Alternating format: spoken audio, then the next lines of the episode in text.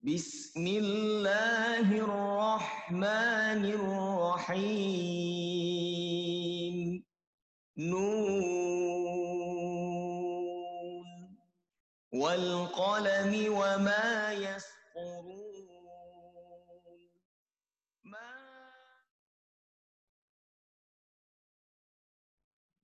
بسم الله الرحمن الرحيم. السلام عليكم ورحمة الله وبركاته. Alhamdulillahirrahmanirrahim. Wassalatu wassalamu ala. Alhamdulillah, para pendengar semuanya, apa kabar? Kita jumpa lagi di udara nih, Alhamdulillah. Ketemu lagi bersama saya Deksan di satu program bersama dengan Radio HSI Abdullah Roy. Ya, seperti yang sudah kita janjikan, mungkin juga untuk Anda, para peserta HSI, di mana pun Anda berada, di seluruh Indonesia, maupun di beberapa negara bagian, ya, yang sudah mulai stay tune melalui website di uh, HSI Abdullah Roy, ya, abdullahroy.com tepatnya. Ya, happy listening untuk Anda, dan seperti biasa kita akan hadirkan satu program baru, namanya Live Bincang Wira Usaha Radio HSI. Ya, cukup menarik tentunya ya. Baik, tentu para pendengar semuanya, kali ini untuk edisi di hari Jumat 27 Syawal 1441 Hijriah, dari jam 20 waktu Indonesia bagian Barat sampai dengan jam 21.30 insya Allah nanti, kita akan ngobrol-ngobrol dengan program dan tema yang asik gitu ya.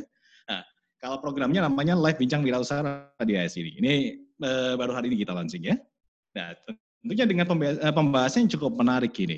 Ya, dengan salah satu narasumber kita, yang mana narasumber kita ini juga salah satu anggota dari uh, uh, uh, HSI ya. Hmm, Alhamdulillah. Ya, nanti kita akan sebut beliau. Tentunya dengan pembahasan kita kali ini cara cerdas berbisnis tanpa utang, gitu dia. Memang bisa ya hari gini dia. Realitanya bisa, realitanya bisa. Baik, dan para pendengar semuanya, siaran yang Anda dengar saat ini, ini langsung dari studio HSI Abdullah Roy, Probolinggo, insya Allah ya, dan dirilai di beberapa media, salah satunya Radio MI Probolinggo. Anda bisa akses melalui uh, radio yang sudah merilai di pembahasan kita kali ini, dan juga Anda bisa unduh ya, di Radio HSI, di Play Store juga bisa. Nanti kalau ada pertanyaan, silakan Anda bisa catat nomornya di nomor berikut di 0811 37074. Ya, di 0811 37074. Itu dia. Baik, sebelumnya saya coba akan sapa dulu narasumber kita yang sudah hadir untuk bisa menemani kita di bincang yang cukup menarik kali ini, live bincang Pira Usaha Radio HSI. Siapa beliau? Assalamualaikum warahmatullahi wabarakatuh dengan Mas Muhammad Sobirin tepatnya. Waalaikumsalam warahmatullahi wabarakatuh Mas Diksa. Terima Masya kasih atas kesempatannya. Jumpa di udara Mas Sobirin jauh-jauh. Antum sekarang posisi ada di mana ini? Di Makassar. Di Makassar ya. Iya. Makassar tuh identiknya dengan cutu kali ya. ya. Baik, para pendengar, sebelum kita lanjutkan perbincangan kita tentang wirausaha dia. Sedikit saya akan kupas profil dari Mas Muhammad Sobirin ini ya. Uh, yang pasti beliau ini usianya ya masih dibilang cukup produktif lah ya. Masih kepala tiga begitu. Domisili saat ini di Makassar, pendidikan terakhir yaitu S1 Teknik Elektro uh, alumni Universitas Indonesia. Sudah menikah, juga sudah punya putra begitu ya. Dan kalau dilihat beberapa uh, ini ya catatan begitu ya. Beliau ini selalu ranking satu loh, masya Allah ya. Kemudian juga juara tiga kompetisi fisika se-Jakarta Selatan. Kemudian juga pernah juga menyandang juara dua kompetisi geografi se-Jakarta Selatan. Juara tiga kompetisi geografi se-DKI juga. Pernah mendapatkan juga beberapa beasiswa, bahkan di teknik elektro Universitas Indonesia juga tanpa tes begitu. Nggak, nggak cuma itu, beliau juga sempat eh, masuk di beberapa media juga begitu ya. Oke, nanti kita akan kupas medianya. Nah, sebelumnya juga saat ini beliau sudah berkecimpung di beberapa usaha begitu, dengan banyak cerita tentunya. ya, sekarang beliau sudah eksis di memiliki beberapa minimarket, kemudian juga memiliki pabrik tahu kuring ya di Makassar, kemudian juga sebagai distributor salah satu susu kambing, ketawa, begitu. Baik, ini profil kalau kita melihat saat ini begitu. Nah, kalau kita akan kupas lebih dalam lagi pendengar, ya bahwasanya wirausaha itu apakah semudah dengan membalikan tangan gitu. Oke, kita akan eh, kita akan kupas satu persatu bagaimana sih wirausaha yang udah dijalani oleh Mas Muhammad Sobirin atau lebih tepatnya saya panggil Mas Sobirin aja biar lebih dekat begitu ya. Oke. Nah, kita akan kupas satu persatu Mas Sobirin. Bisa diceritain nggak sih sebenarnya gimana sebenarnya uh, tentang wirausaha yang sudah Mas Sobirin ini udah mulai geluti ya. Mungkin bisa ceritakan dulu info dan latar belakang kehidupan Mas Sobirin sendiri sebelum memutuskan untuk berwirausaha. Apa Baik, Mas Deksa, Bapak Ibu pendengar Radio HSI yang berbahagia. Uh, saya akan coba cerita mulai tahun 96 mungkin ya. Jadi saya lulus SMP tahun 96. Jadi saya SMP itu di kampung halaman di Grobogan, Jawa Tengah. Oh, di Jawa Tengah. Ya, karena kesulitan ekonomi, saya mesti merantau ke Jakarta. Dan saya ingat sekali saat itu saya diberi uang saku 131 ribu. 131 ribu tahun berapa itu? Ribu. Tahun 96. Tahun 96 ya, Masya Allah. Iya. Nah, kemudian saya di Jakarta, itu saya nebeng sama temennya guru SMP ya. Hmm. Nah, yang saya syukuri adalah di Jakarta itu ternyata sekolah itu cuma setengah hari. Maksudnya? Jadi hari? keterbatasan karena keterbatasan ruangan, jadi biasanya kelas 1 jam 7 sampai jam 12. Nanti kelas 2, kelas 3-nya jam 1 sampai maghrib begitu. Oh, begitu. Jadi saya bersyukur waktu itu masih sempat apa namanya melanjutkan SMA. Uh, Jadi saya bisa beraktivitas uh, setengah hari, setengah harinya saya sekolah. Hmm. Walaupun akhirnya saya nyaris tidak bisa ikut ujian cawu. Jadi saat itu saya masih cawu ya, generasi hmm. kolonial gitulah masih saya. Betul, mau cawu satu, cawu dua begitu ya? Ya gitu. saya nyaris nggak bisa ujian karena SPP-nya nggak bisa terbayar. Dalam artian kenapa nggak bisa terbayar waktu itu? Karena nggak ada duit buat bayar SPP Mas Deksa real begitu ya emang ya, ya. ya. Masya Nah, ya, alhamdulillah ya dengan bantuan pihak sekolah bisa mengikuti ujian. Ini kalau hmm. saya cerita panjang nih, saya bisa nangis lagi nanti. Gak apa-apa mas, gak ya. apa-apa. Ini artinya begini, kita uh, sebenarnya sih kita ingin memberikan sebuah gambaran ya untuk para pendengar semuanya, juga sebagai motivasi begitu. Artinya kan setiap eh, perjalanan hidup seseorang itu suka duka, ya kan? Itu akan mewarnai kehidupan berikutnya begitu. Apa yang ya. tadi sudah saya sendiri sudah sebutkan tadi beberapa profil dari Mas Robin sendiri yang tampaknya sudah kayaknya sudah settle di bidangnya ya dengan beberapa minimarket, pabrik tahu ya. dan beberapa yang lain itu ada beberapa yang memang harus dilewati bersama gitu ya. Artinya ya. begini, ada yang mungkin persamaan oleh pendengar mungkin oh kok sama ya seperti ini ya yang saya rasakan. Mungkin akan kalau kita bisa bersyukur mungkin indah pada waktunya, masya Allah. Iya. iya. Gitu. Mas ini sebelumnya kita akan lanjutin dulu nih. Uh, kalau boleh tahu tadi Mas Abdi sempat terkendala dengan biaya cawu atau catur Betul. bulan ya. Iya. Cawu itu kalau nggak salah per tiga bulan ya dulu ya, atau empat bulan ya? Empat. Oh empat bulan, iya. empat bulan ya. Uh-uh. kalau boleh tahu uh, kondisi orang tua waktu itu bagaimana Mas Abdi? Aktivitasnya, pekerjaan dan lain-lain? Uh, Bapak itu petani, Hmm. Kalau ibu pedagang, cuma saat itu belum punya kios, jadi berdagangnya satu langkah lebih maju dibanding pedagang lain. Jadi Dalam di depan kiosnya orang, maksudnya gitu. Oh, masya Allah. satu langkah, langkah lebih maju. Di depan kios orang begitu ya. Masya Allah. Nah, alhamdulillah ya singkat cerita bisa inilah ya bisa dibantu sama sekolah, kemudian eh, bisa ikut sawu dan alhamdulillah selalu ranking satu saat SMA. Hmm, eh, beberapa lomba juga menang. Dulu saya anak IPA. Gitu Cuma ya? Waktu itu guru sarankan ikut lomba geografi ya sudahlah ikut aja lomba geografi. Alhamdulillah bisa juga menang. Padahal beda beda ini ya, beda jurusan ya. Iya itu kan IPS mestinya geografi kan kalau SMA itu. Masya Allah. Tapi bisa ya Mas ya, mampu dalam bidang gitu ya. Iya. Masya Allah. Ada waktu itu saya minta ini apa namanya buku-buku ke guru. Jadi ya ada materi kita belajar saja sebelum uh, lomba. Alhamdulillah bisa. Eh, bisa digambarkan nggak Mas Sobin ini termasuk kutu buku nggak sih pada masanya? Termasuk kutu buku. Sampai sekarang bukan masanya lagi. gitu ya. Atau jangan-jangan eh, buku dikutuin gitu kali ya. Masya Allah. Eh, Baik, baik. Kemudian Mas setelah itu masuk Nah, dari SMA. karena prestasi lumayan bagus lah ya di SMA, alhamdulillah bisa diterima di salah satu universitas terbaik lah di Indonesia tanpa tes. Masya Allah. Dan itu juga sebenarnya belum selesai itu. Sejarah Artinya? belum selesai itu. Hmm. Jadi waktu saya diterima di UI, tanya-tanya ke senior, berapa sih biaya daftar ulang? Ya. Nah, saat itu disampaikan bahwa SPP itu 475, kemudian ada biaya-biaya matrikulasi, seragam, dan lain-lain 750 ribu. Itu berarti sekitar tahun 98 ya, Tahun Mas? 99. Oh, 99. Berarti pasca uh, moneter ya pada waktu itu ya. Dan Ya, masih setelah krisis. Angka segitu juga Nah, waktu itu ya. Ketika hari H daftar ulang, ternyata saat itu berlaku Undang-Undang BHMN, Badan Hmm. Hukum Milik Negara, bahwa kampus perguruan tinggi mesti eh, mandiri. Dalam artian Jadi mandiri. waktu itu ternyata daftar ulangnya 2 juta 250. Oke. Akhirnya uangnya kurang. Oh, ya kurang Nah. Padahal daftar ulang mesti hari H, hari itu saja. Cuman satu hari aja Sampai jam. 3 sore. Oh, cukup sampai satu hari aja untuk pelunasannya maksudnya. Betul. Akhirnya saat itu nanya ke senior-senior BEM, nanya juga ke pihak universitas bahwa bisa minta keringanan, tapi mesti melampirkan surat keterangan RT dan RW. Hmm.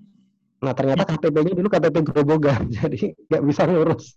Nah, makanya artinya kan dalam satu hari itu kan harus Ya, selesai betul. gitu ya. Dibatasi sampai jam sore tadi ya, jam 3. Iya, sampai Bank BNI tutup. Kan daftar ulangnya itu transfernya lewat Bank BNI UI Depok. Akhirnya Mas, apakah ada kajian? Akhirnya jam 11 itu entah kenapa eh, teringat dengan salah satu lembaga beasiswa. Hmm, di Jakarta Kemudian sana. ya? kontak sama, ya di Jakarta Selatan. Hmm. Kontak sama pengurusnya, Oke. eh, mereka bersedia membantu biaya pendidikannya untuk daftar ulang. Pada waktu yang bersamaan, di Iya. hari itu juga. Alhamdulillah saat itu langsung tersambung gitu. Masya Allah. Luar biasa. Jadi telepon kantor saat itu pimpinannya juga pas ada di tempat. Jadi Oke, jam 11 itu dari Depok Hmm. ke pasar Jumat, nyampe sana zuhur, sholat zuhur, terima uang cash, kembali lagi ke Depok. Waktu itu ingat masih naik di Durah itu zaman dulu ya. Nggak tahu masih ada apa enggak itu. Lebak Bulus Depok. Oke, sebelum kita lanjutkan dulu Mas Sobirin. Apa yang Baik. Antum rasakan pada waktu itu? Artinya tiba-tiba ada kebijakan ya, kebijakan negara lah begitu ya pada waktu itu ya pada tahun 99 yang harus menyelesaikan di angka 2.250.000 untuk biaya daftar ulang kuliah di UI pada waktu itu ya. Ya. Pada hari itu juga.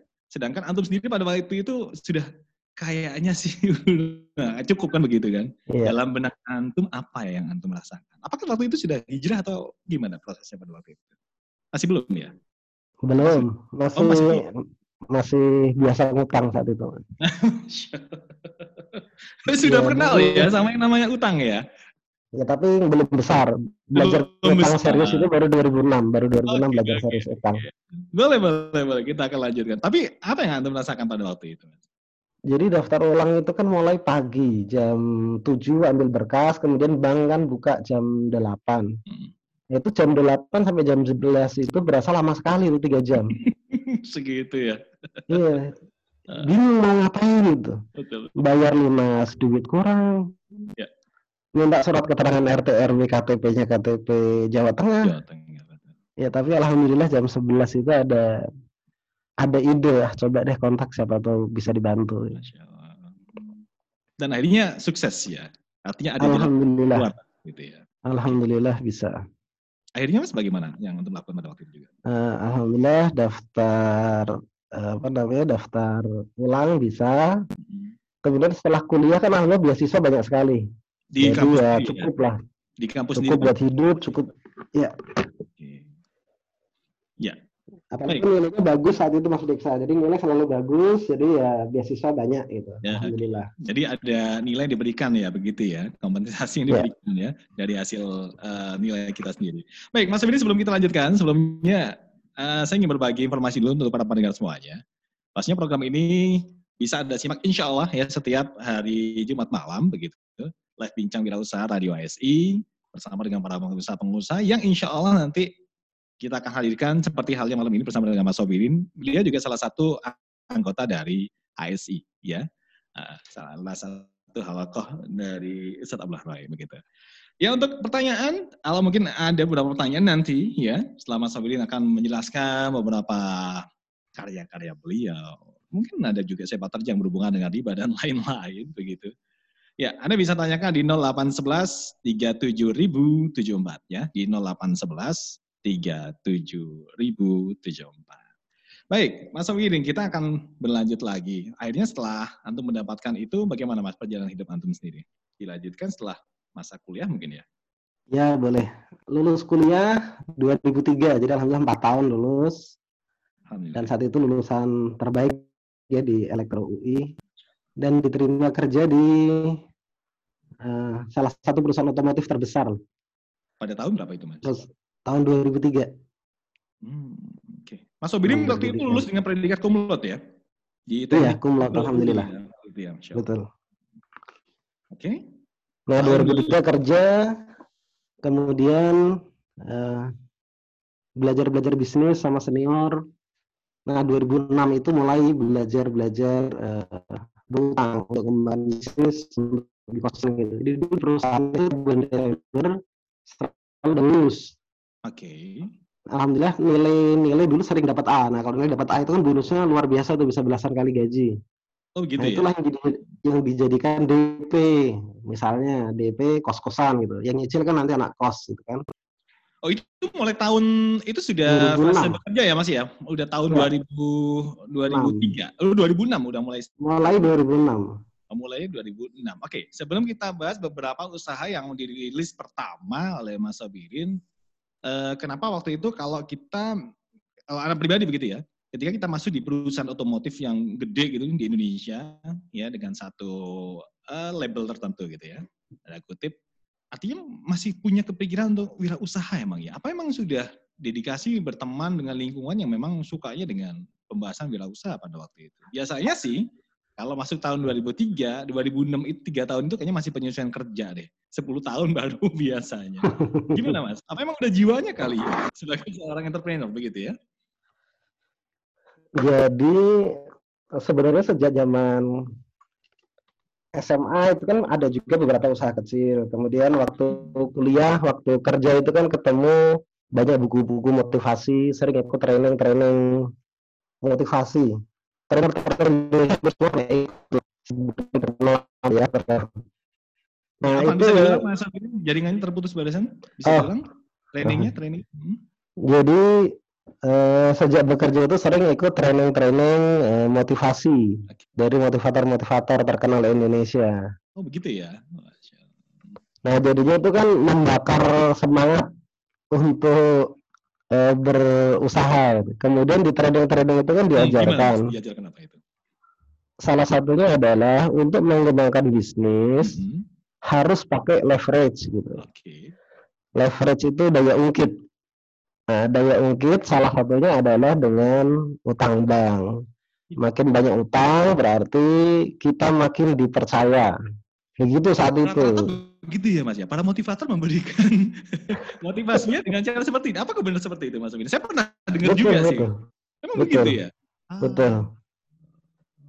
Iya, iya, iya. Ya saya pernah ikut training yang ratusan ribu sampai jutaan dalam dua hari begitulah isinya kurang lebih kurang lebih begitu dan dan akhirnya merasa ya dengan cara itu ternyata uh, berhasil gitu pada waktu itu berhasil kalau kalau dilihat dari aset yang dimiliki gitu ya bisnis yang dimiliki nah walaupun sebenarnya di kampung ibu ibu juga dengan caranya sendiri bisnisnya juga alhamdulillah makin berkembang dengan cara yang dan sama beliau beliau tidak pakai utang beliau tidak pakai ibu. utang justru gitu ya. Betul. Oke, sebelum kita bahas tentang ibu ya, uh, sedikit saya coba akan kulik sedikit lah gitu.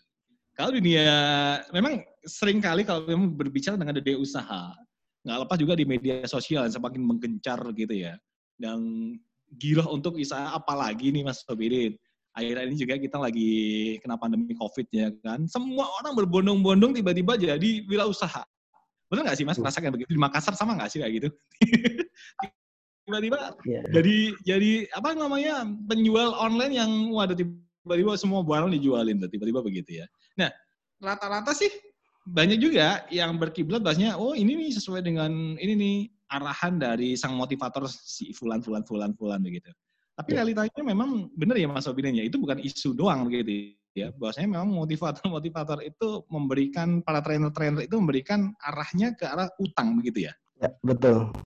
utang bank atau memang utang dengan artian utang tanpa em, ada penambahan dan lain-lain atau bagaimana Mas, konsep mereka? Bisa dibocorin sedikit nggak mas? Utang bank ajarnya. Pak. Utang bank berarti riba ada ujungnya ya? Iya, riba, betul. Ya. Hmm. Nah, Oke. terkait dengan kondisi pandemi ini, ada memang orang-orang yang kemudian berwirausaha karena eh, terpaksa. Misalnya perusahaannya tutup, tidak ada penghasilan, akhirnya mereka berwirausaha. Nggak apa-apa juga. Tapi sebenarnya itu adalah orang yang berwirausaha karena eh, kepepet. Mestinya kita berwirausaha itu karena pengen memberikan kontribusi. Iya. Itu levelnya lebih tinggi mestinya. Oke, kita akan bahas nanti mas. Ya. Terkait juga Anda pengen tahu nanti motivasi antum sendiri apa seperti itu. Oke, sebelum kita masuk ke sana, eh coba deh mas ceritain sedikit mas tentang yang tadi awal-awal dari usaha yang dilakukan itu bagaimana mas perjalanannya? Eh tadi berbicara tentang masalah kos-kosan nih ya. Itu kos-kosan itu masih dalam tataran konsep apa sudah jalan mas sebelumnya? Tahun 2006 ya? 2006 ya? Sudah jalan, jadi hampir sudah tiap tahun nambah itu mas. Ya. Oh, Jadi kalau dapat bonus, cari yang dijual, kita DP-in, yang bayar anak kos gitu. waktu itu sudah bisa dapat waktu itu sudah bisa bangun berapa ruang mas? oh banyak karena kan dari 2006 sampai 2015 Oh, perkososan itu jalan ya? Di mana? Di Jakarta juga? Atau langsung pindah lagi ke Jawa Tengah? Pada waktu di itu? Jabodetabek. Oh, Masya Allah. Ada beberapa titik berarti ya pada waktu itu ya? Ya, ada beberapa titik. Artinya yang antum terapkan pada waktu itu kan murni apa yang sudah disampaikan oleh para motivator-motivator yang antum sendiri anggap jalan mereka itu benar begitu ya? Betul. Sampai Dan 2015 sangat yakin bahwa itu adalah jalan yang benar karena terbukti. Dan nggak pernah ada masalah dengan cicilan karena nyicil anak kos. Ah, betul betul betul. Konsepnya jadi kita bikin kita bikin wirausaha dengan modal yang berapa persen perhitungannya, Mas? Jadi kalau zaman dulu itu kan perbankan tidak terlalu ketat. Mhm. Bahkan kadang-kadang kita bisa tanpa DP. Oke. Atau DP 10% bisa, 5% bisa. Jadi aturable kalau zaman dulu. Hmm. Ya. Kalau waktu kos-kosan yang pertama kali bagaimana konsepnya Mas Obirin? Jadi waktu itu ada orang butuh uang. Mhm. karena eh, sertifikatnya ada di bank. Karena orang butuh uang pengen jual cepat kan daripada didatangi debt collector, jadi waktu itu dapat harga murah. Hmm. Oke. Nah setelah itu belajar begitu. Ketika mencari kos-kosan, cari yang punya motivasi besar untuk menjual. Bahasanya begitu zaman dulu. Ya. Dapat ya Mas ya, beberapa unit pada waktu itu ya. Alhamdulillah Tapi artinya pembiayaan nggak murni 100% dari pembiayaan dari kantong pribadi nggak ya pada waktu itu? enggak. Kita hanya DP saja. DP aja. Setelah itu kita pinjam bank per bulannya Ya. kita cicil dari biaya anak-anak kos begitu ya Mas ya konsepnya ya. Betul. Masya Allah. Ya, ya, ya, ya, ya. Kalau konsepnya udah cukup bagus sih ya. Cuma kita di banknya nanti akan kita bahas. Ya. Pastikan cara ini jangan diikuti ya. Ini mesti mesti diperjelas dari awal. Ya, ya, ya. Artinya begini, para pendengar semuanya. Ya, apa yang disampaikan sama Sobir ini adalah eh, perjalanan hidup beliau di tahun 2006 sampai tahun 2015 ya. Dari pada waktu itu masih masih berstatus masih eh, kerja di perusahaan otomotif terbesar di Indonesia begitu ya Mas ya. Ya. Hasilnya dikembangkan dengan usaha eh, kos-kosan. Konsepnya adalah cuman DP saja. Kemudian untuk per bulannya nanti eh, dibayarkan melalui dari usaha itu sendiri begitu. Dan konsep ini jangan diterapkan ya begitu. Betul. Oke. Eh, setelah itu Mas Awidin bagaimana perkembangannya setelah itu? Eh, makin bagus makin bagus cuma ada perubahan pemahaman di tahun 2015 ketika mudik Mas Diksa. mudik ke pulang kampung halaman atau ke Ke- rumah istri? Ya, ke, ke Grobogan. Posisi sudah menikah kah pada waktu itu? Oh, sudah, sudah. Sudah ya, ke Gerobokan. Oke, Iya. ke kampung halaman ketemu dengan orang tua dong berarti atau dengan Iya, tetangga atau gimana Mas? Ketemu orang tua. Oke. Waktu itu ibu kasih empat pertanyaan. Hmm, hmm. Pertanyaan pertama adalah kamu lulusan apa gitu kan? Ya, Saya jawab S1. Oke. Pertanyaan kedua adalah lulusan S1 sama lulusan SD mana lebih hebat? Nah, ini kan ibu lulusan SD ya. S1 dong harusnya. Ya, betul Mas. Apa? Ibu jangan bercanda lah. Lulusan S1 lah lebih hebat. UI lagi. Itu jawab begitu itu ya? Itu jawab begitu ya? Allah, sama dong berarti. Oke. Mhm. Nah, kemudian oke ya kalau kamu memang lulusan S1 lebih hebat dibanding lulusan SD. Oke, pertanyaan ketiga. Rumahku sama rumahmu mana lebih gede? Rumahmu dan rumahku mana lebih gede? Ya, wah itu langsung jelek itu Mas Diksa. Kenapa kok bisa begitu? Apa yang antum bikin? Iya. Karena rumah lulusan SD lebih besar. S- Tapi antum kan punya aset kos-kosan pada waktu itu. Eh, ibu saya ibu saya bisa lebih punya lebih banyak lagi. Masya Allah. Ya, ya, ya. Artinya dari sisi pendidikan antum lebih menang begitu ya. Ya, Secara pengetahuan oke, tapi secara eh, yang dimiliki lebih gede ibu, begitu realitanya ya kan. betul. Secara pekerjaan ibu selangkah lebih maju. Artinya satu satu tempat di kos di kios orang gitu ya. Ya. Oke. Saat 2015 kios beliau udah banyak sekali, Mas. Oh, pada waktu itu ya tahun 2015 ketika Ya, mudik gitu ya. Pada 2015 udah banyak perubahan lah dibanding tahun 96 ya. Oh, Oke, oke, oke. Itu Nah, awalnya ya. kemudian berarti. pertanyaan keempat nih Mas Diksa. Yang keempat. Oke. Itu kan rumahmu lebih kecil. Padahal Hmm. kamu lulusan S1 nih ya. Itu diulang gitu. Rumahmu kan lebih kecil walaupun S1. Ya. Itu cash atau kredit? Dalam banget pertanyaannya. Antum ya? Itu tuh nggak ada pisau dong. Kalau ada pisau bisa bunuh diri tuh. Allah. Terus Nah, antum sejak itu diceramai lah sama ibu. Masya. Suruh belajar bagaimana hidup tanpa utang. Disuruh belajar bagaimana bisnis tanpa utang. Hmm. Jadi akhirnya dari situ tahun 2015 itu sudah tidak pengen lagi bulan depan bayar cicilan. Jadi apa pun dilakukan supaya utangnya lunas. Oke, Mas Sobirin, kita break dulu sebentar sebelum Baik. Mas Sobirin kasih itu apa yang dilakukan setelah Ibu eh, memberikan empat pertanyaan itu detailnya, ya kan? Kita break dulu sebentar. Sekali lagi untuk para pendengar semuanya ingin bertanya tentang wirausaha Radio SI ya dengan narasumber kita ada Muhammad Sobirin di sini. Silakan Anda bisa telepon atau Anda bisa WA atau kirim melalui pesan singkat yang lain di nomor 0811 37074. Sekali lagi di 0811 37.074. Kita break dulu sebentar, kita akan dengarkan yang satu ini. Bismillahirrahmanirrahim. Sa'ala sa'ilum bi'adzabin waqi' lil kafirin للكافرين ليس له دافع. من الله ذي المعارج. تعرج الملائكة والروح إليه في يوم والروح إليه في يوم كان مقداره خمسين ألف سنة. فاصبر صبرا جميلا. إنهم يرونه بعيدا. ونراه قريبا. يوم تكون السماء كالمهل وتكون الجبال كالعهن ولا يسأل حميم حميما يبصرونهم يود المجرم لو يفتدي من عذاب يومئذ ببنيه وصاحبته وأخيه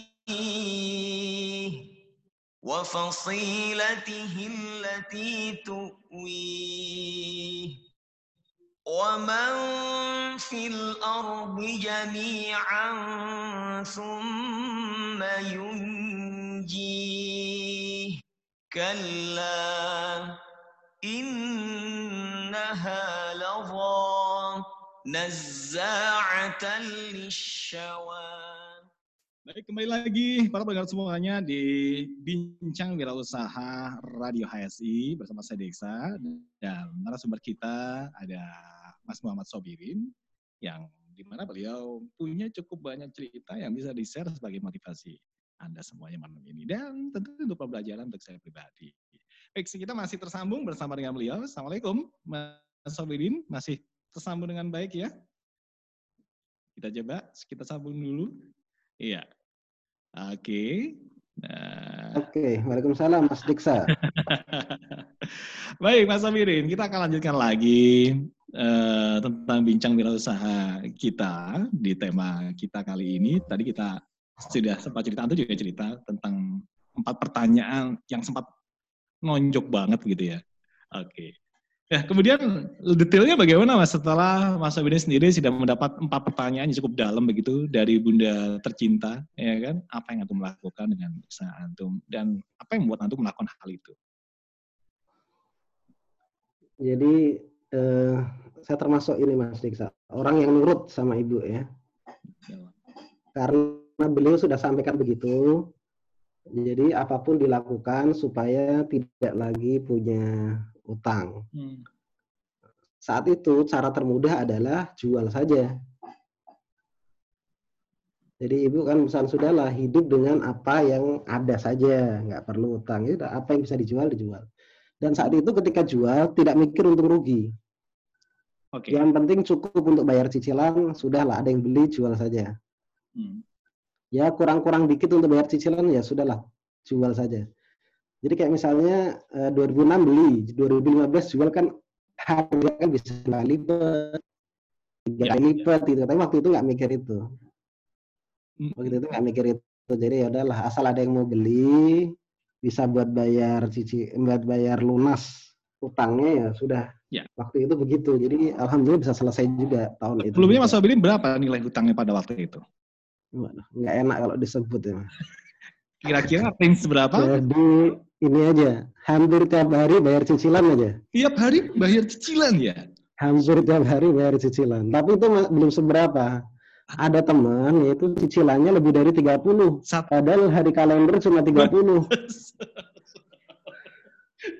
Enggak bisa bayar enggak Iya, iya, iya. Masih bersyukur ya dari keadaan dibandingkan sama yang lain ya.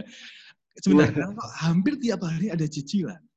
Anda pengen tahu lebih dalam gitu ya apa yang anda merasakan ya. ketika antum tidur? Bener nggak sih? Tidur ah, tidur ada yang mengatakan gitu ya ketika kalau udah punya utang itu tidurnya nggak bisa tenang. Bener nggak sih mas bener banget mas Diksa. Antum jawabnya dan bukan cuma itu banyak sekali fakta dan tabiat buruknya itu utang. Contohnya salah satunya mas? Nah, yang anda rasakan? Hmm? kalau kalau cerita semua mungkin nggak selesai ya sebagian coba ya. Fakta dan tabiat berutang kita ngomong di dunia dulu nih Hmm. Yang pertama, utang itu membayar kepastian dengan ketidakpastian. Dalam artian waktunya? Jadi kalau kita punya utang, itu kan cicilan itu jelas. Jumlah cicilannya berapa? Tanggalnya jelas, harinya Tanggal jelas. jelas. Rekening tujuan transfernya juga jelas. Oke. okay. Sedangkan uang yang digunakan untuk membayar nggak jelas. Dalam artian nggak jelas? misalnya kita berbisnis, hmm. belum tentu laku dan ada uang tersimpan untuk membayar cicilan. Ya. Atau kalau kita karyawan bisa jadi di PHK. Ya. Hmm. Nah, jadi hanya orang-orang yang apa ya bahasanya BODOH lah yang mau membayar kepastian dengan ketidakpastian. Ya, ya, cukup. Itu yang pertama Mas Dik saya. Hmm. Terus yang kedua, utang itu selalu bertambah. Ini pengalaman pribadi. Pertama kali kan hanya ada satu titik cicilan ratusan ribu. Ya. Lama-lama bisa belasan titik dan puluhan juta. Ya. Jadi selalu bertambah. Kenapa Itu bisa? fakta diri sendiri. Kenapa bisa begitu? Atau kalau kita maaf gimana Mas Diksa? Kenapa bisa begitu? Apakah pada waktu itu eh, approval dari pihak eh, bank itu menjadi sebuah kebanggaan? Itu satu. Jadi menjadi kebanggaan makin besar utang makin dipercaya. Terus utang itu candu.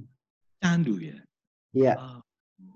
Ini contoh juga lah ya yang kita sama-sama tahu. Bu, tapi bukan untuk kita bahas sampai detail. Indonesia merdeka itu utangnya empat setengah miliar rupiah. Hmm. Sekarang utangnya lebih dari 5.000 triliun. Nah, kita doakan ya semoga para pemimpin kita ini ikuti acara ini nih. Amin, amin, amin, amin, amin. Kemudian perusahaan juga begitu. Awalnya utangnya sedikit, lama-lama jadi bukit. Dan akhirnya pilot. Ya kita bisa lihatlah di media ya. Ada Saiwan, namanya Prima Oke. apalagi Nyonya Menir spesial itu berdiri sejak 1919 akhirnya nggak mampu berdiri gara-gara utang Ya, ya, ya. Mas Jeksa. Kami rata-rata emang bikin candu dan akhirnya hancur juga ya Mas ya dengan adanya. betul Hmm. kalaupun nggak sekarang tunggu sebentar lagi ya kalau kita panjang umur kita bisa menyaksikan gitu orang-orang yang hidup dari utang ya apalagi utang bank akan terpuruk akhirnya Hmm, hmm, hmm. Ya, kemudian ada lagi yang pribadi ya tadi kan pusing itu hilangnya kemesraan itu juga salah satu fakta tabiat buruk utang dalam artian di dalam rumah tangga sendiri. Iya, dalam rumah tangga. Jadi dulu itu tiap malam kan mesti cek saldo untuk memastikan besok bisa didebet kan untuk bayar cicilan. Hmm. Kalau uangnya ternyata tidak cukup, itu kan stres malam. Anak nanya PR itu bisa kita marahin. Hmm, hmm, hmm. Istri deket-deket bisa kita marahin juga. Nggak lihat nih, Abi lagi sibuk. Padahal bukan sibuk, stres mikirin utang. Itu fakta pribadi. Nah, kalau kita cek juga, Mas Diksa, di pengadilan agama, penyebab perceraian terbesar itu adalah karena faktor ekonomi. Betul. Kalau digali lebih jauh lagi, Hmm. adalah karena utang piutang. Jadi istri gugat cerai suami karena suaminya punya utang dan dia nggak mau nanggung. Dan juga bisa sebaliknya. Jadi hati-hati yang belum menikah jangan cari pasangan yang punya utang. Apalagi yang punya hobi begitu ya Mas ya. Iya. Betul. Nggak ada mesra-mesranya tuh orang yang punya utang. Iya. Pengalaman begitu. Oke. Itu mungkin Mas Diksa. Masih banyak lagi sebenarnya. Enggak apa-apa Mas, enggak apa Mas. Oh, Jadi set- setidaknya begini, artinya ini bisa menjadi eh, apa namanya refreshment ya untuk para Oh, iya, iya. Oh iya, Boleh. ternyata aku nggak bisa tidur gara-gara ini nih ternyata, gitu loh Mas. Iya kan, nggak semuanya teman-temannya sudah berhijrah juga nggak bisa melepaskan. Ya semoga kita akan doakan semuanya para muslimin, semuanya Betul. bisa berhijrah dengan kafah. gitu ya. Iya. Betul, dimudahkan, lepas dari hutang semuanya. Kalau toh ada ya, ya mungkin nanti Mas Sobir bisa ngasih tips nanti di akhir nanti ya. Oke. Artinya Insya Allah bisa. ah, Asal tahu ilmunya. Betul. Yang bisa dirasakan atau mungkin saat dirasakan oleh listener semuanya, mungkin ini juga pernah dirasakan gitu. Saat ini itu persis banget sama yang dirasain sama Mas Sobirin pada waktu itu. Nggak apa-apa Mas. Kemudian Mas, apalagi Oh, iya. pengaruh gara-gara utang nih Mas? Perilaku-perilaku apa aja yang dirasain? Boleh. Kita cerita yang heboh lah ya. Ya. Menyeret berbuat jahat. Jadi kalau kita cari di internet, di googling itu banyak sekali informasi orang yang berutang kemudian berbuat jahat. Hmm. Ini baru-baru ini kan ada itu. Ada istri bunuh suami dan anak tiri gara-gara utang 10 M, padahal nggak besar utangnya, Enggak. sampai membunuh suami dan anak tiri. Dibandingkan nyawa ya Mas ya, dengan angka 10 M ya. Iya.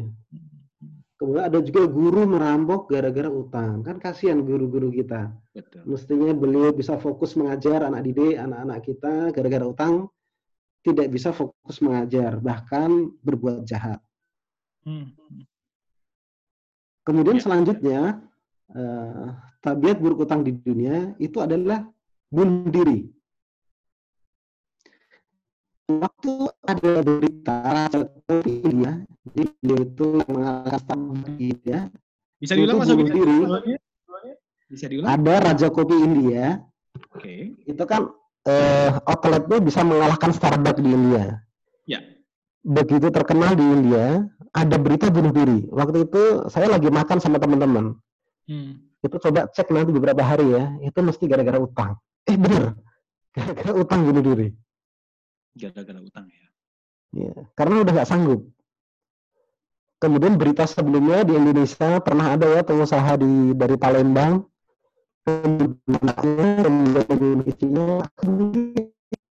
Oke. Gara-gara utang. Itu di dunia. Di akhirat ada lagi konsekuensinya itu utang. Enggak selesai. Enggak selesai ya. Ngerti. Oke. Baik Mas Abidi, sebelum kita coba akan bincang lagi ya, kita akan kupas kalau ada beberapa konsekuensi ya yang pernah ya. dialami, bahkan juga uh, udah dirasain begitu di dunia. Sebelum kita akan kupas sedikit tentang konsekuensi yang di akhirat. Oke, sebelumnya kita akan break dulu sebentar Mas Abidin. Tapi sebelum kita break, uh, ini ada satu informasi ya untuk para pendengar semuanya untuk para pendengar radio dan beberapa media yang sudah juga ikut merilai ya siaran ini. Jangan lupa Uh, ini ada satu informasi, insya Allah pendaftaran HSI Abdullah Roy angkatan 202 ya, insya Allah akan dibuka nanti di bulan Juli 2020. Kapan waktunya? Tunggu saja, standby di media sosial HSI untuk info lebih lanjutnya. Dan insya Allah nanti untuk Anda para pendengar juga di beberapa media seperti Radio MD.net Anda bisa akses juga nanti informasinya, gitu ya. Insya Allah di bulan Juli 2020 nanti Yuk kita sama-sama belajar di sana. Kita break dulu sebentar. Para listener, di mana pun Anda berada, jangan lupa kalau ada pertanyaan ya seputar dengan wirausaha. Boleh. Anda bisa kontak langsung telepon ataupun pesan singkat di 0811 37074. Kita akan mulai lagi saat lagi. Bismillahirrahmanirrahim.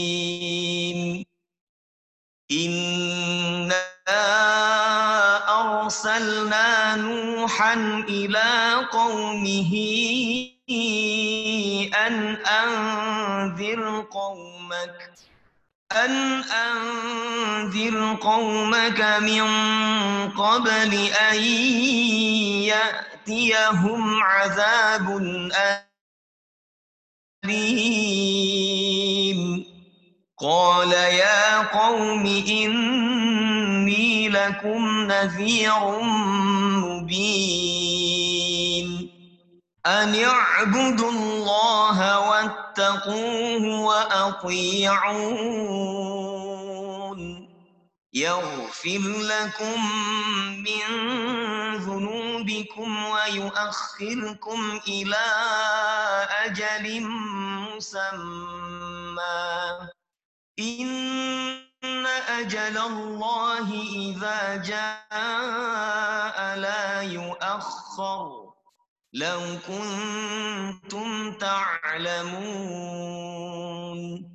قال رب إني دعوت قومي ليلا ونهارا فلم يزدهم دعائي إلا فرارا وإني كلما دعوتهم لتغفر لهم جعلوا أصابعهم جعلوا أصابعهم في آذانهم واستغشوا ثيابهم واستغشوا ثيابهم وأصروا واستكبروا استكبارا. ثم إني دعوتهم جهارا. ثم إني أعلنت لهم وأسررت لهم إسرارا. فقلت استغفروا ربكم إنه كان غفارا Baik, kembali lagi para pendengar semuanya, para pendengar Radio HSI dan para pendengar di beberapa media yang sudah merilis di live kita ya, Bincang Wirausaha Radio HSI malam ini. Baik, kita akan lanjutkan lagi bersama dengan Mas Sobirin dengan banyak sekali ceritanya, begitu ya. Oke, kita akan masih tersambung. Baik, masih tersambung di sini Mas Sobirin, kita coba akan lanjutkan kembali bincang-bincang kita. Jangan lupa juga untuk Anda, para pendengar semuanya, ya, Anda bisa ya. bertanya langsung di 0811 37074. Baik, Mas Sobri, kita akan lanjutkan lagi nih. Nah, Mas, setelah tadi eh, Mas Sobri juga menceritakan beberapa konsekuensi dengan hutang, begitu ya. Kemudian juga karena memang hampir tiap hari itu ada jadwal untuk pembayaran, gitu ya. Yang dilakukan ya. yang pertama adalah dengan cara amputasi ya, Mas ya. Uh, nggak tahu bahasa yang tepat apa ya Mas Diksa saya. Uh, Kalau amputasi itu misalnya kaki kita bermasalah, tangan bermasalah, terus dipotong gitu kan? Ya, ya. Betul. Setelah dipotong kita merasa ada kesulitan bergerak gitu kan? Betul. Nah ini aktualnya setelah semua dijual, hati lebih tenang. Oke. Gitu. Jadi mungkin bahasa yang lebih tepat Nah, belum tahu tuh, bukan amputasi. Kalau amputasi kan membuat kita jadi serba terbatas kan. Betul. Kaki kita dipotong, tangan kita dipotong. Kalau itu enggak dipotong semua malah lebih enak hidup. Lebih gitu. aman. Betul. Iya, iya. Begitu. Tapi ya boleh aja lah kalau mau disebut amputasi. Ya, artinya setelah uh, ini berarti uh, aset-aset beberapa dijual begitu ya Mas ya untuk bisa melunasi dilunasi dalam artian semua hutang-hutang dilunasi pada saat itu kan. Saat itu ya. Alhamdulillah 2015 itu juga Mas. Masya Allah, Alhamdulillah. Apa yang Alhamdulillah dimudahkan. Apa yang Anda rasakan Mas pada waktu itu? Apakah uh, kembali normal kembali itu butuh berapa lama wirausaha yang Antum bikin pada waktu itu?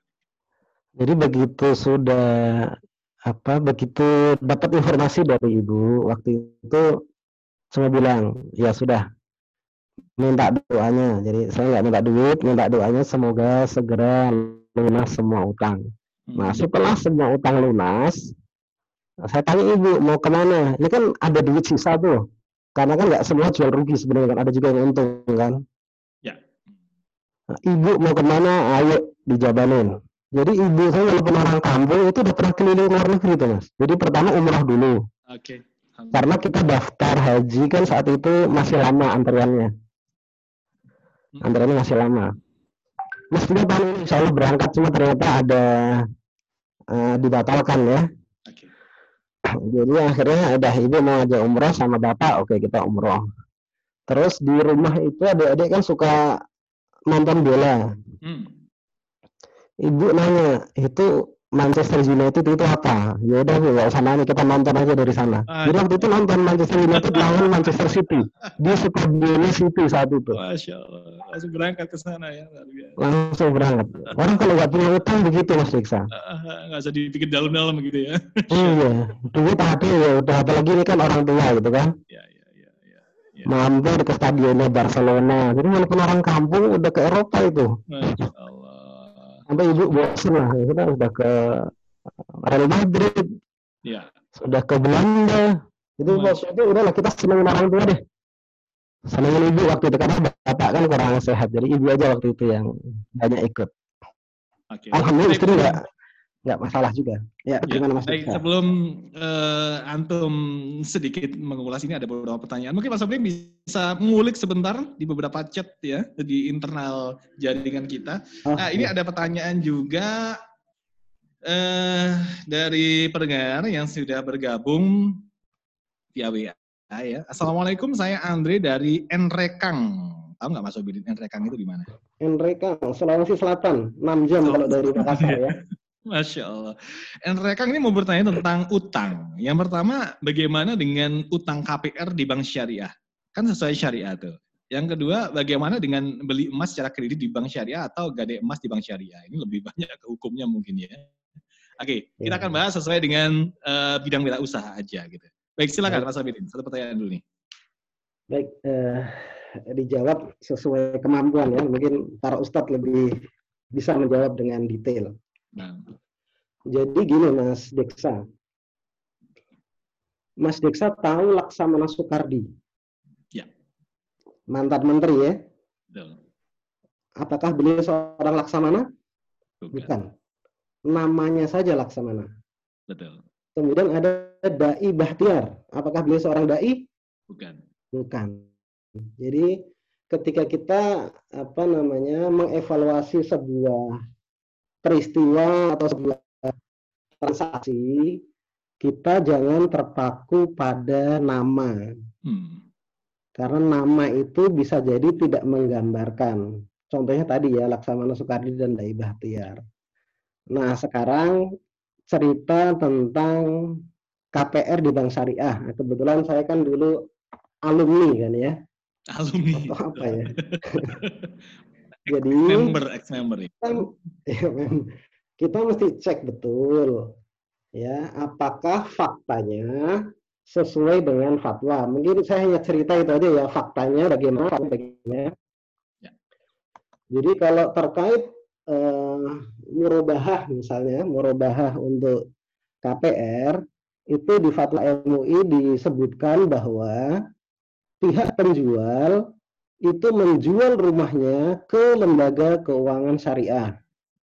Kemudian lembaga keuangan syariah menjual rumah itu ke nasabah dan dibayar secara kredit. Itu bunyi fatwanya. Nah, faktanya bagaimana? Saya masih ada diskusi sama teman-teman dari Bank Syariah itu tahun lalu dan juga awal tahun ini. Gimana? Bahwa ternyata masih sama dengan ketika saya dulu bertransaksi sama mereka-mereka. Yaitu bahwa ketika saya mau beli rumah, hmm. saya bayar DP misalnya 30% ke developer. Oke. Okay. 70 persennya dilunasi oleh bank syariah ke developer. Hmm. Baru saya nyicil selama per bulan ke lembaga keuangan syariah. Ya, jadi kalau dilihat dari fakta dan fatwa itu memang uh, tidak sesuai. Berbeda ya Mas ya. Ya, ya. itu. Hmm. Hukumnya bagaimana itu mesti tanya Pak ya, tanya Ustadz ya. Saya hanya menyampaikan faktanya dan juga fatwa. Kemudian tadi terkait dengan cicilan emas dan gade emas ya. Betul. Nah, kalau cicilan emas itu di fatwa MUI ada fatwa nomor 77. Bisa belakang fatwa MUI tahun 77 emas. Nah, itu di halaman 8 itu disebutkan bahwa mengenai hukum jual beli emas secara angsuran, ulama berpendapat sebagai berikut. Yang dilarang, dan ini menjelas dengan Hanafi, Maliki, Syafi'i, dan Hambali. Ini jadi saya hanya baca yang ada di fatwa ya. Hmm. Jadi kalau mayoritas fuqaha melarang ya sebaiknya jangan jangan nyicil sih ya. Apalagi tabiat buruknya tadi banyak sekali. Nah kemudian emas ya. Jadi emas saya dulu juga pernah Mas Diksa. Hmm. Jadi misalnya harga emas itu satu juta per gram gitu ya. Terus kita dapat pinjaman 800 ribu per gramnya. Itu ada biaya titip. Biaya titip saat itu satu persen, satu persen lah. 800 ribu satu persen berarti kan 8 ribu. lebih. Hmm. Ya, biaya titipnya. Hmm. Nah, padahal di fatwa nomor 25 itu disebutkan besarnya biaya pemeliharaan dan penyimpanan tidak boleh ditentukan berdasarkan pinjaman. Itu oh. juga nggak cocok antara fatwa dengan fakta. Okay. Itu mungkin itu yang bisa dijelaskan Mas Diksa. Ya, baik. Mungkin ini sebagai uh, gambaran ya untuk para penanya ya. Baik, ini ada pertanyaan yang kedua yang sudah masuk juga Mas Sobirin. Bismillah, Assalamualaikum Pak. Saya Masya Allah cerita Pak Sobirin sangat menginspirasi. Yang ingin saya tanyakan adalah apakah jiwa entrepreneur itu memang harus diasah ataukah memang bawaan hobi seseorang? Karena jujur, saya pun uh, waktu kuliah sering ikut seminar usaha, tapi emang nggak pernah tertarik. Meskipun tertarik, tetap saja nggak minat-minat. Terima kasih, salam dari Makassar. Gimana nih Mas Abirin?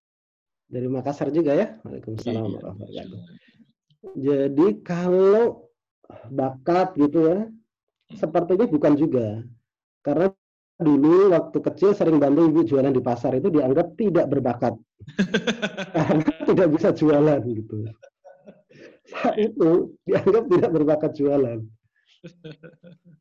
Jadi saya juga punya banyak teman yang mereka dibilang tidak berbakat jadi olahragawan. Hmm. Sekarang beliau itu jadi atlet triathlon. Justru begitu ya? Iya, jadi segala ya itu bakat itu ya memper mempermudah kita belajar. Tapi kalau memang kita merasa tidak berbakat, asalkan kita tekun mau belajar, insya Allah kita bisa. Ya. Untuk menjadi profesor itu kan butuh berapa tuh? Seribu atau sepuluh ribu jam untuk satu skill yang sama itu. Jadi mestinya tidak harus tergantung sama bakat. Hmm. Jadi sebenarnya bisa lebih ini ya Mas ya, lebih dari niatan aja kali ya. Betul. Asal kita memang serius, hmm. kita luangkan banyak waktu untuk belajar, kita banyak praktek, insya Allah bisa. Oke. Baik. Ya, kemudian yang, yang ketiga, Mas Abidin ya udah masuk melalui via WA. Assalamualaikum, izin tanya, masih ada sebagian yang menggunakan moto kalau nggak utang nggak punya. Tentu mindset itu logika juga buat memiliki usaha atau barang. Nah, kalau modal pasang badan tanpa modal juga sulit. Kalau tongpes alias kantong kempes gitu ya. Nah, kira-kira solusi memulai usaha bagaimana asal nggak utang? Mengingat masih muda atau seorang single parent atau istilahnya nggak punya begitu. Ini pertanyaannya Mas Abidin, silakan. Oke, gimana usaha tanpa utang gitu ya? Jadi kalau ikut kita dari awal mungkin eh, pendengar radio HSI bisa menyimpulkan bahwa saya mantap Jakarta itu juga tidak pakai modal gitu ya. Uang hanya seratus tiga puluh ribu. Nah, ya, mohon maaf Mas Abdul bisa bilang sebentar sedikit terputus? Oke. Okay. kalau kita ikuti dari awal tadi sebenarnya sempat disampaikan bahwa waktu merantau ke Jakarta awalnya hanya dengan uang 131 ribu. Dan berbisnis pun juga setelah semua uh, lunas eh, setelah semua nggak ada utang ya ada beberapa bisnis itu yang nggak pakai modal. Ada beberapa bisnis yang nggak pakai modal. Itu ada caranya.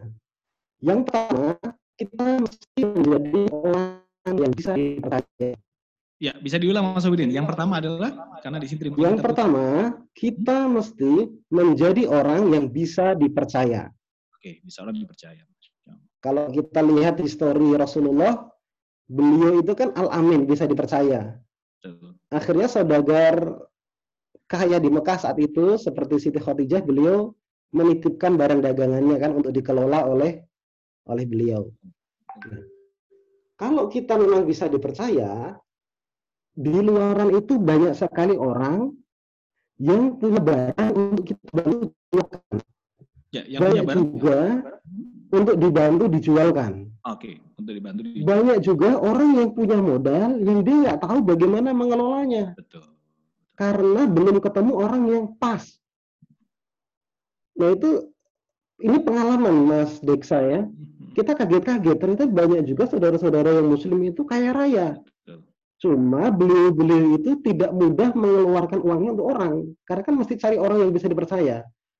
Ya. Banyak juga beliau-beliau itu punya pabrik, punya barang, tapi jualannya tidak sesuai kapasitas produksi. Akhirnya mereka cari orang yang bisa dipercaya.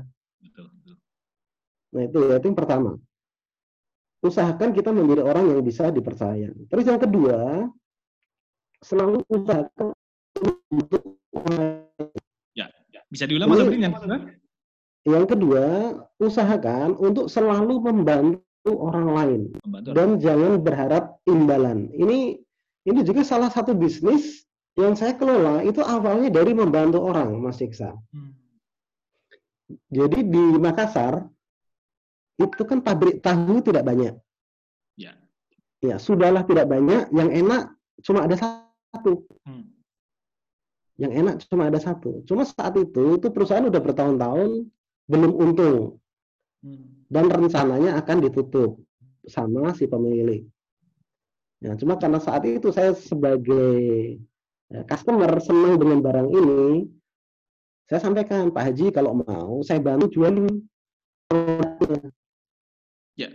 Siapa tahu banyak yang yang suka. Suka. Kalau banyak yang suka, kan pabrik tetap dibuka, karyawan tetap bisa bekerja. Betul. Alhamdulillah setelah dikelola dengan baik, penjualannya naik, naik dua kali, hmm. bahkan naik tiga kali. Ini selama masa pandemi justru naiknya luar biasa ini, sampai kita kekurangan orang di bagian eh, produksi. Nah, ketika sudah berjalan bagus, Pak Haji akhirnya juga nggak basa-basi, sudahlah Mas Sobirin aja deh yang kelola. Hmm. Dapat sekian persen deh sebagai pemilik, udah begitu aja. Tapi dulu niatnya bukan untuk memiliki itu, niatnya untuk membantu beliau. Gitu. Karena kalau pabrik itu tutup, waktu itu mikir cari tahu enak di Makassar di mana ini? Ya. Gitu, Mas Teksa. Hmm. Yang kedua, terus yang ketiga, kita mesti selalu meningkatkan kemampuan kita berjualan. Karena bagaimanapun eh, berbisnis itu kan lebih baik produk maupun jasa. Ya, lebih nah, menjual, berbisnis itu terputus barusan? Eh, berbisnis itu salah satu yang mesti dilakukan adalah berjualan, Mas Jualan. Deksa. Nah. nah, kita mesti latih, kita mesti tingkatkan skill kita untuk menjual. Dan menjual itu kan ada ilmunya, tinggal kita belajar saja. Kalau teman-teman di Makassar bolehlah kita kopdar gitu, kita diskusi. Selama ada waktu, insya Allah bisa. Nah, terus yang keempat, ini ya mungkin ada banyak, saya sampaikan empat saja. Yang pertama menjadi orang yang bisa dipercaya, kemudian kedua senantiasa membantu orang lain, ketiga meningkatkan kemampuan jualan, yang keempat pastikan kita belajar fikih muamalah supaya kita ini kan sebenarnya hidup di dunia buat apa sih? Kan dalam rangka mempersiapkan. Nah, jangan sampai kita nggak belajar fikih muamalah, transaksi kita bukannya mendatangkan pahala, bukannya mendatangkan keuntungan, justru mendatangkan dosa. Seperti tadi cerita itu pengusaha kos-kosan yang tadi itu. Ya. Gitu, Mas Diksa. Ya, jadi artinya untuk uh, penanya ya, jadi mutu kalau nggak utang nggak punya, kayaknya sudah dihapus mulai sekarang dari benak kita ya, semua, termasuk anak pribadi begitu ya. Masya Allah. Baik, untuk pertanyaan berikutnya, Mas Sobirin. Masih ada banyak ini. Assalamualaikum, saya Andika dari Pati. Saat ini posisi saya sedang bekerja sebagai karyawan swasta di salah satu perusahaan dan Alhamdulillah sudah menjadi karyawan tetap. Hmm. Memang ini merupakan zona aman bagi diri sendiri, pribadi, ya, untuk masa depan karena gaji yang sudah cukup. Tetapi diri pribadi tidak ingin selamanya menjadi karyawan terus dengan berbagai alasan. Dalam artian yang pasti alasan utama tidak dapat beribadah tepat waktu. Tolong berikan motivasi dan juga semangat agar diri ini berani memutuskan untuk keluar dari zona nyaman bekerja sebagai karyawan dan supaya berani untuk memulai bisnis. Jazakumullah khairan. Silakan Mas Widin. Baik, Mas Andika Pati ya, dekat kampung oh. saya itu. Jawa Tengah ya, ya. Insya Allah.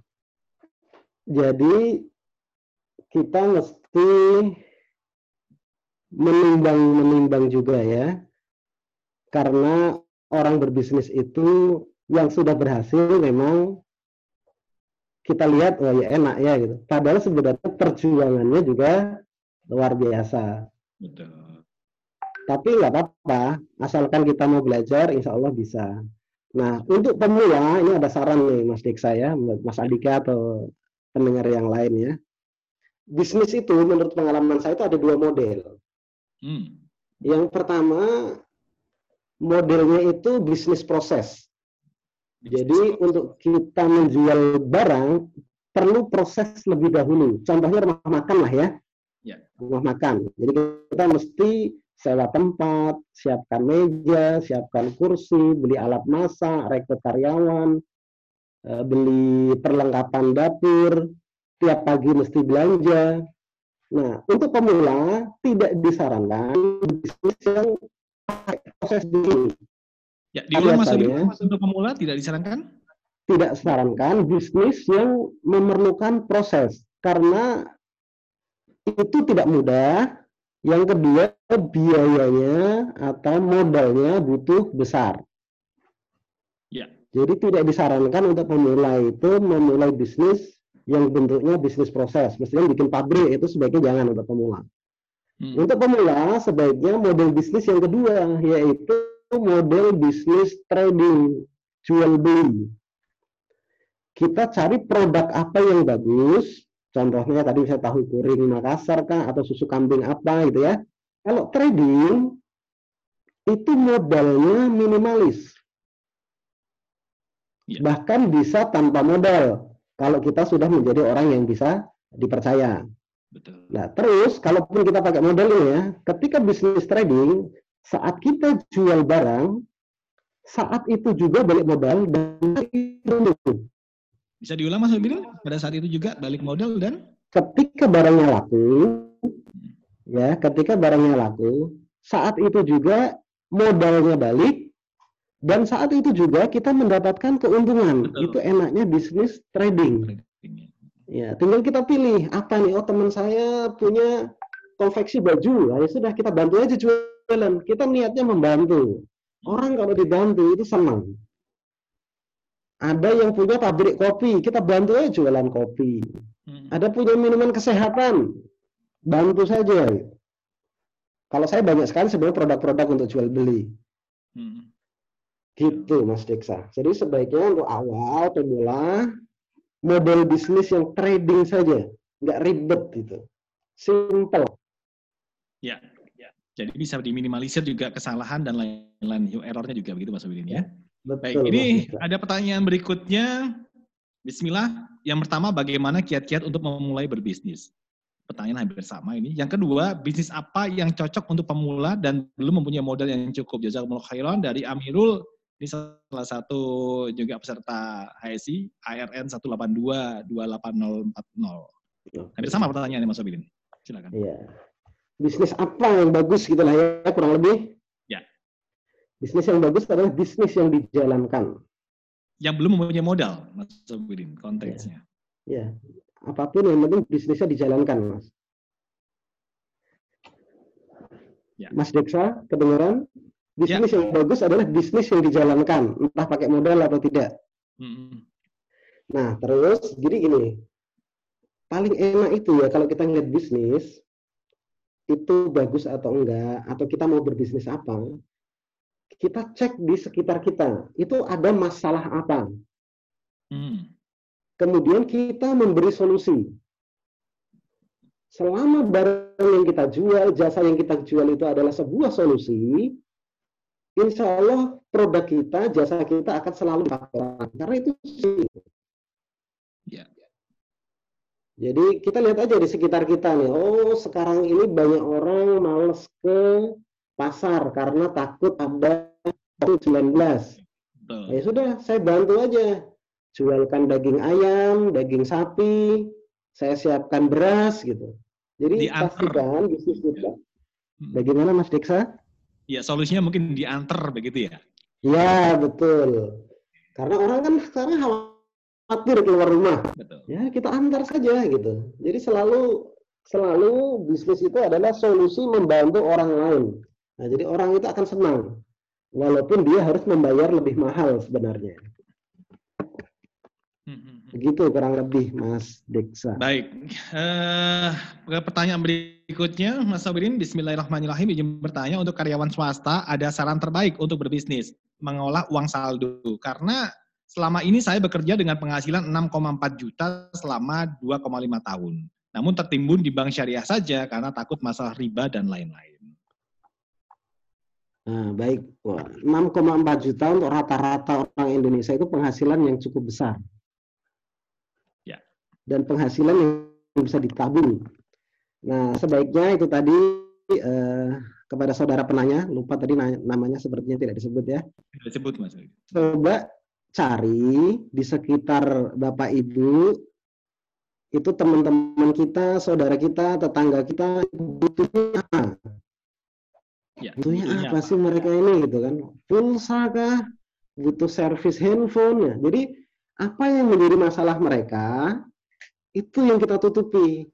Itu yang kita berikan solusi jadi kan saya sebut jualan tempe jualan baju belum tentu cocok dengan lingkungan masing-masing Hmm. jadi mendingan teman-teman melihat kebutuhan atau problem di masing-masing eh, wilayahnya gitu Mas Deksa Betul.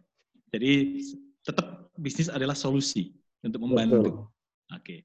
Untuk pertanyaan berikutnya, Mas Obidin, Assalamualaikum. Pertanyaan saya, jika biar tidak hutang, apakah boleh kerjasama? Misal ada yang punya dana untuk modal dan kita yang kelola usahanya dan nanti bagi hasil misal 70 persen, 30 persen. Dari Nanang di Jakarta, ARN 182 Ya. Kerjasama itu sangat boleh. Tapi pastikan bahwa yang mau kerjasama itu sama-sama sudah belajar fikih muamalah. Jangan sampai nanti bermasalah kerjasamanya. Karena bagi orang-orang yang tidak paham, itu ketika dia naruh modal, misalnya 100 juta, dia berharap ada pengembalian fix. Nggak peduli si pengelola untung atau rugi. Nah, itu kan nggak boleh. Hmm. Jadi pastikan belajar fikih muamalah bersama-sama supaya pemahamannya sama, frekuensinya sama. Gitu Mas Diksa. Boleh banget itu kerjasama. Jadi yang kelebihan modal kasih modal, yang kelebihan waktu dan tenaga serta keahlian, mereka memberikan waktu, tenaga, dan keahliannya. Ya. Ini salah satu solusi juga ya Mas ya. Baik, ya, luar biasa. Oke, kita kembali ke materi kita, Mas Sawidin. Kita akan lanjutkan sedikit di sisa waktu. Eh, saat ini beberapa bisnis yang sudah saya tangkap adalah ada beberapa minimarket ya. Setelah tadi Mas Sobidin sempat menyelesaikan dalam waktu yang hampir sama hutang diberesin, kemudian juga orang tua juga sempat jalan-jalan ke luar negeri begitu ya, masya Allah. Nah, sekarang sudah beberapa pengembangan usaha seperti minimarket, ya ada juga pabrik tahu urin di Makassar, kemudian distributor susu kambing etawa. Bedanya apa sih mas jalan yang model sekarang sama yang dulu-dulu nih ceritanya?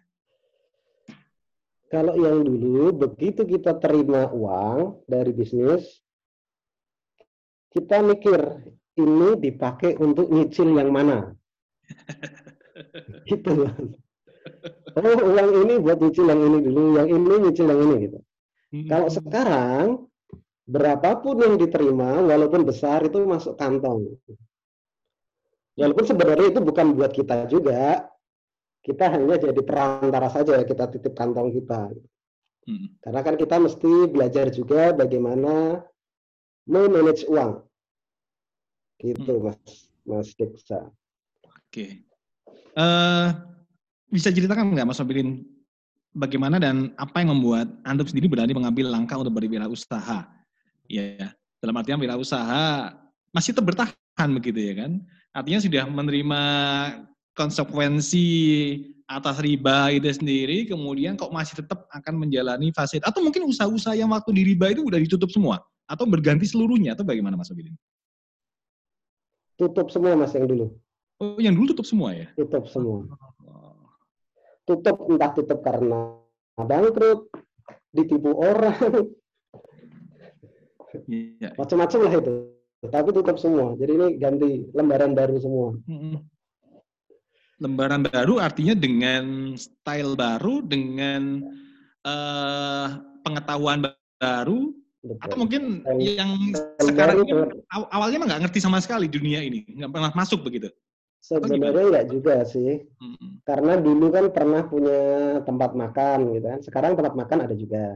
Oke, Kalau dulu tahu hanya jual beli, sekarang bantu kelola dari uh, atasnya, dari pabriknya. Gitu. Hmm. Susu kambing ya itu kan itu kan masalah barang saja. Jual beli itu kan sama aja. Ya. Oke. Okay.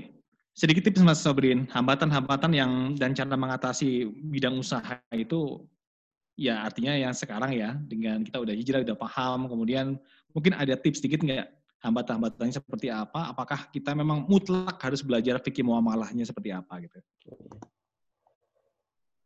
Jadi kalau fikih muamalah itu itu wajib ya untuk orang yang mau berbisnis. Karena hmm. zaman khalifah dulu kan begitu.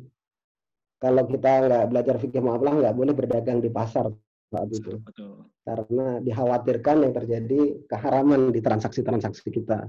Hmm. Kemudian kalau ngomongin kita mau jual beli atau mau berbisnis itu setelah kita belajar fikih muamalah, uh, saya mau lebih detail itu tadi Mas Dik saya yang bagaimana belajar menjual gitu ya. Ya, silakan. Nah, itu sebenarnya ada dua kunci dasar supaya kita bisa berjualan dengan sedikit penolakan ya, hmm. dengan sedikit penolakan atau bahkan mungkin tidak ada penolakan. Masya Allah. Yang pertama, kita harus kuasai value dari produk kita. Nah, sebelum saya ngomongin value, saya mau cerita sedikit nih. Saya tanya sedikit ke Mas Deksa. Mas Deksa, Ya. Ro- rokok itu, rokok itu menurut Mas Deksa apa? Obat, penyakit, racun apa itu? Racun dan penyakit Racun dan penyakit ya.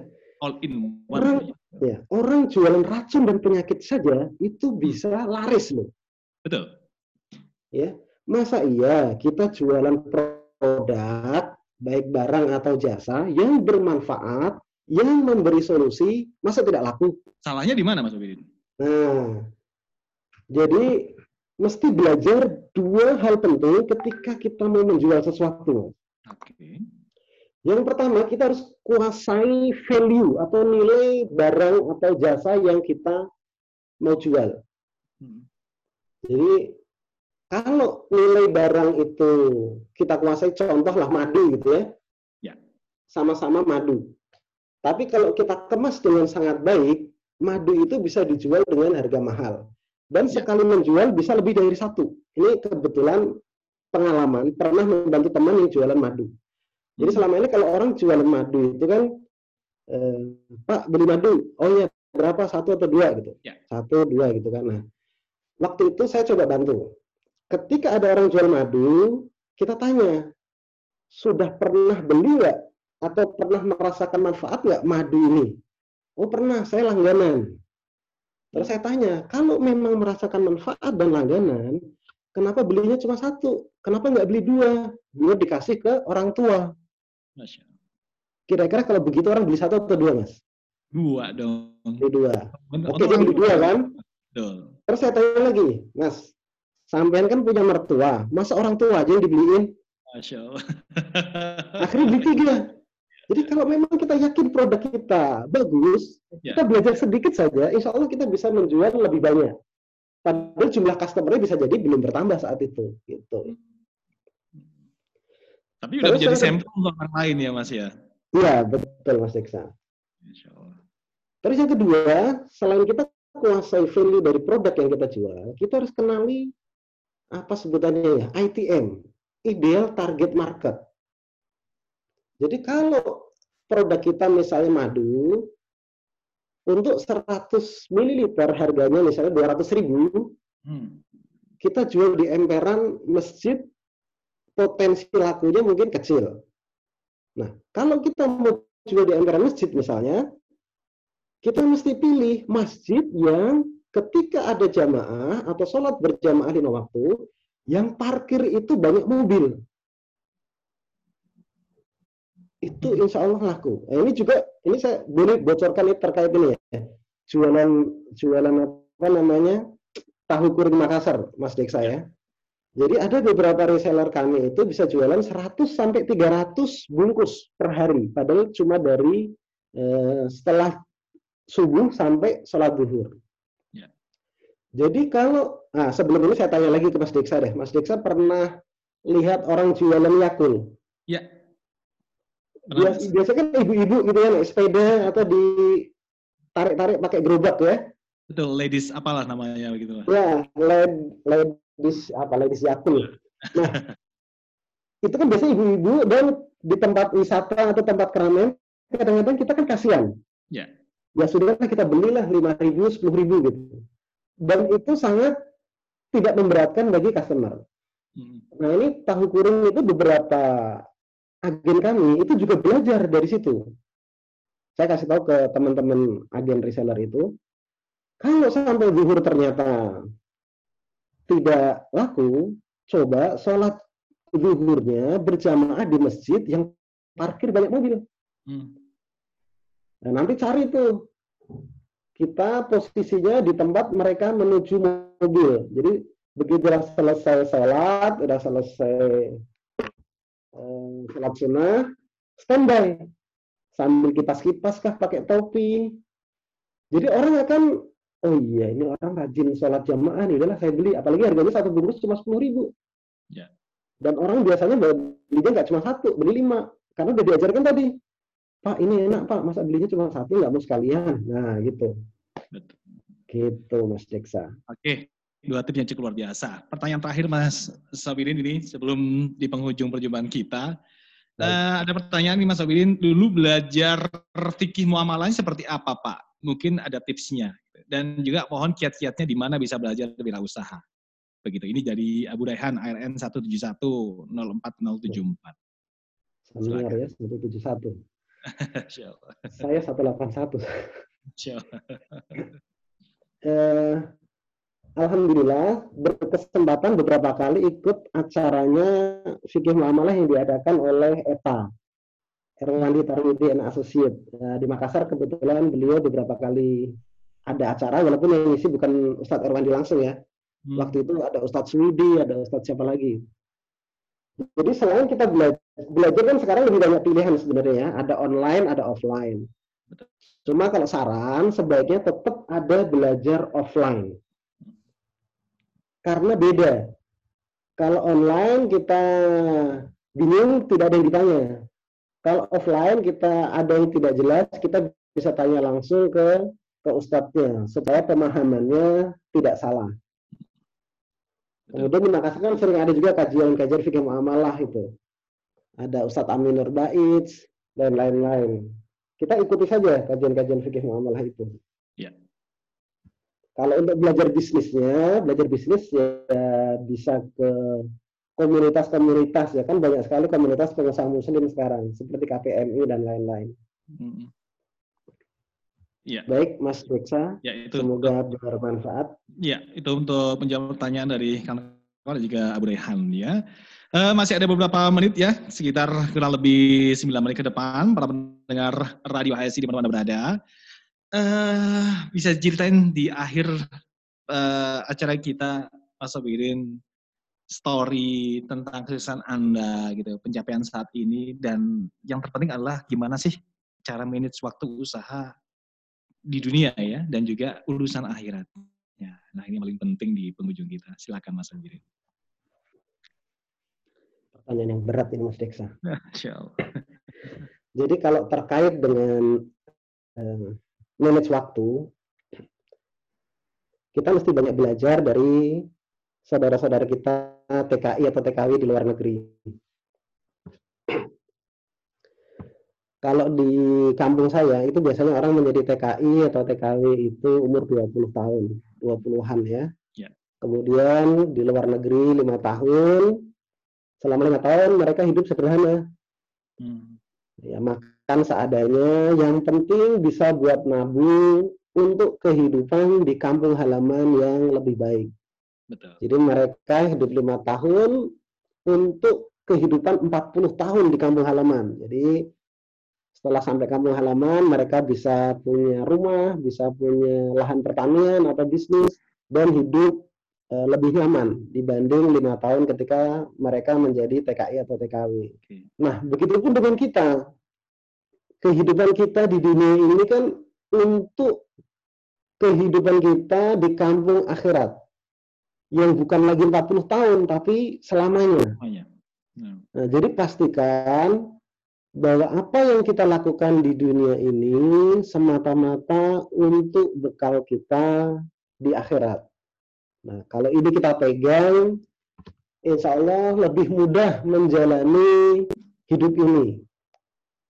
Insya Allah lebih mudah dalam mengelola bisnis, lebih mudah dalam eh, kita mengelola perusahaan. Kalau kita punya perusahaan, yang karyawan juga lebih mudah menjalani kehidupannya sebagai seorang karyawan. Mungkin itu, Mas Deksa. Mesti harus dalam ya dalam kita menjalani dua-duanya nih dengan landasan ya. agama tentunya nggak lepas juga kita sebagai wisa, wira usaha gitu ya. ya. Perlu nggak sih mas melihat masa lalu terus gitu ya sebagai pembelajaran kita atau biar modelnya model kayak banteng aja lah gitu ya. Maju terus, nah kalau nabrak geser sedikit jalan terus. Nah, ini, seperti itu, sekali. Saya pernah diingetin sama guru saya nih Mas Diksan. Oke. Okay. Jadi orang yang cerdas itu adalah orang yang belajar dari kesalahannya, belajar dengan serius supaya di masa depan tidak mengulanginya. Nah, beliau sampaikan, cerdas saja tidak cukup, mesti lebih dari cerdas. Hmm. Maksudnya gimana? Ya daripada kita berlatih dari kesalahan sendiri, berlatih aja dari kesalahan orang. Kenapa kita mesti berbuat salah dulu baru kita belajar? Begitu. Jadi ya masa lalu perlu untuk kita mengetahui bahwa kita pernah punya banyak salah, pernah punya banyak dosa, catatan-catatan kekurangan, supaya kita bisa perbaiki di masa-masa mendatang. Ya. Motivasi untuk pendengar sendiri, Mas Sobirin? Ada nggak tips juga? Terus juga tadi masalah utang, artinya utang ini perlu kita garis bawahi. Utang itu sebenarnya kan nggak masalah juga ya, selama memang itu tidak berbenturan dengan syariat yang sudah ditetapkan begitu ya Mas Abilin ya? Ya, kalau saya pribadi ya utang itu kan sebenarnya diperbolehkan karena Rasulullah pernah berutang makanan. Betul. Nah, cuma saat ini orang itu tidak berutang untuk makanan. Hmm. Orang itu beli rumah pakai utang, beli mobil pakai utang. Hmm. Bahkan kadang-kadang itu di kampung-kampung itu beli panci pakai utang, tupperware juga pakai utang. Jadi iya. kita mesti bisa bedakan kebutuhan dan keinginan. Nah ini mungkin penutupnya dia. Pastikan kita bisa bedakan kebutuhan dan keinginan. Yang simpel, kebutuhan itu kalau kita nggak penuhi kita bisa meninggal, itulah ya kasarnya. Makanan itu kebutuhan. Maka Rasulullah saat itu eh, pernah berutang untuk makanan. Saat ini kan kita itu lebih banyak berutang untuk keinginan, ingin mengembangkan bisnis, ingin uh, memperbanyak kos-kosan, gitu kan? ingin beli rumah. Gitu. Padahal sebenarnya kalau terkait rumah misalnya ya, tempat tinggal, tempat tinggal itu memang saya setuju, tempat tinggal itu kebutuhan. Ya, tempat tinggal itu kebutuhan. Tapi kalau tempat tinggalnya mesti di pusat kota Surabaya, luas tanah minimal 1000 meter persegi, sertifikat atas nama Mas Deksa, nah, itu kebutuhan atau keinginan? Keinginan. Nah, jadi kalau memang kita butuhnya di pinggir kota, kemampuan kita di pinggir kota, ya nggak apa-apa di pinggir kota saja gitu. Jadi pastikan utang itu hindari lah ya, baik itu utang yang sesuai syariah maupun tidak, karena tabiatnya banyak sekali dari tabiat kurang baiknya. Ya. Dan kita hidup lebih tenang, insya Allah kalau tidak ada utang. Amin. amin. Mungkin itu Mas Deksa. Ya, Masya Allah, bincang-bincang kita nggak terasa Mas Firin, lebih 90 menit ya, nggak terasa banget. Sebenarnya banyak yang mau kita kupas, mau kulik gitu. Dari banyak sekali, kayaknya pengalaman itu luar biasa ini. Dan ini semoga apa yang Mas Firin udah ceritakan ini bisa menjadi motivasi untuk kita semuanya untuk karena pribadi tentang bagaimana langkah-langkah untuk bisa memulai wirausaha ya dan wirausaha itu ada beberapa poin nggak selalu mindset yang sudah kita alami itu nggak utang nggak punya kayaknya udah nggak lagi begitu baik jasa kalau khairan Mas Abidin semoga ilmu yang barusan dari share bermanfaat dengan buat kita semuanya dan menjadi dan pahala untuk antum kalau khairan semoga kita bisa ketemu lagi lain kali Mas Rubirin. Oke, sampai jumpa Mas Rubirin. Terima kasih. Terima kasih. Kita sama-sama. Baik. Untuk para pendengar semuanya, jangan lupa ya, kalau bersama sudah kita dengarkan bersama Bincang Wirausaha Radio SI, jangan lupa juga ada beberapa program yang lain, nggak cuma uh, Bincang Wirausaha, ada juga besok Anda bisa dengar insya Allah ya, di waktu yang sama, yaitu Bincang Motivasi Hijrah Radio HSI. Nah, insya Allah besok bersama dengan narasumber kita ada Muhammad Nur Wahyu, ya, dengan pembahasan hijrahnya sang arsitek, masya Allah, ya. Waktunya kapan? Besok insya Allah Ahad, ya, Oh, Ahad ya, lusa berarti ya. Ahad tanggal 29 Syawal, jam 20 sampai dengan jam 21.30, begitu. Kalau besok ya di Sabtu juga kita punya program, ada program yang lain seperti biasa tentang bincang kesehatan, ya, nanti yang akan uh, kita broadcast melalui media HSI tentunya. Baik, jazakallah khairan dan mohon maaf kalau ada beberapa yang salah, ya, mungkin dalam penyempat dalam uh, penyebutan gelar dan lain-lain ya untuk para pendengar semuanya. Dan terima kasih untuk beberapa media yang sudah ikut uh, merelay untuk live bincang kita ya. Insya Allah uh, bincang wirausaha ini bisa Anda simak setiap hari Jumat di waktu yang sama.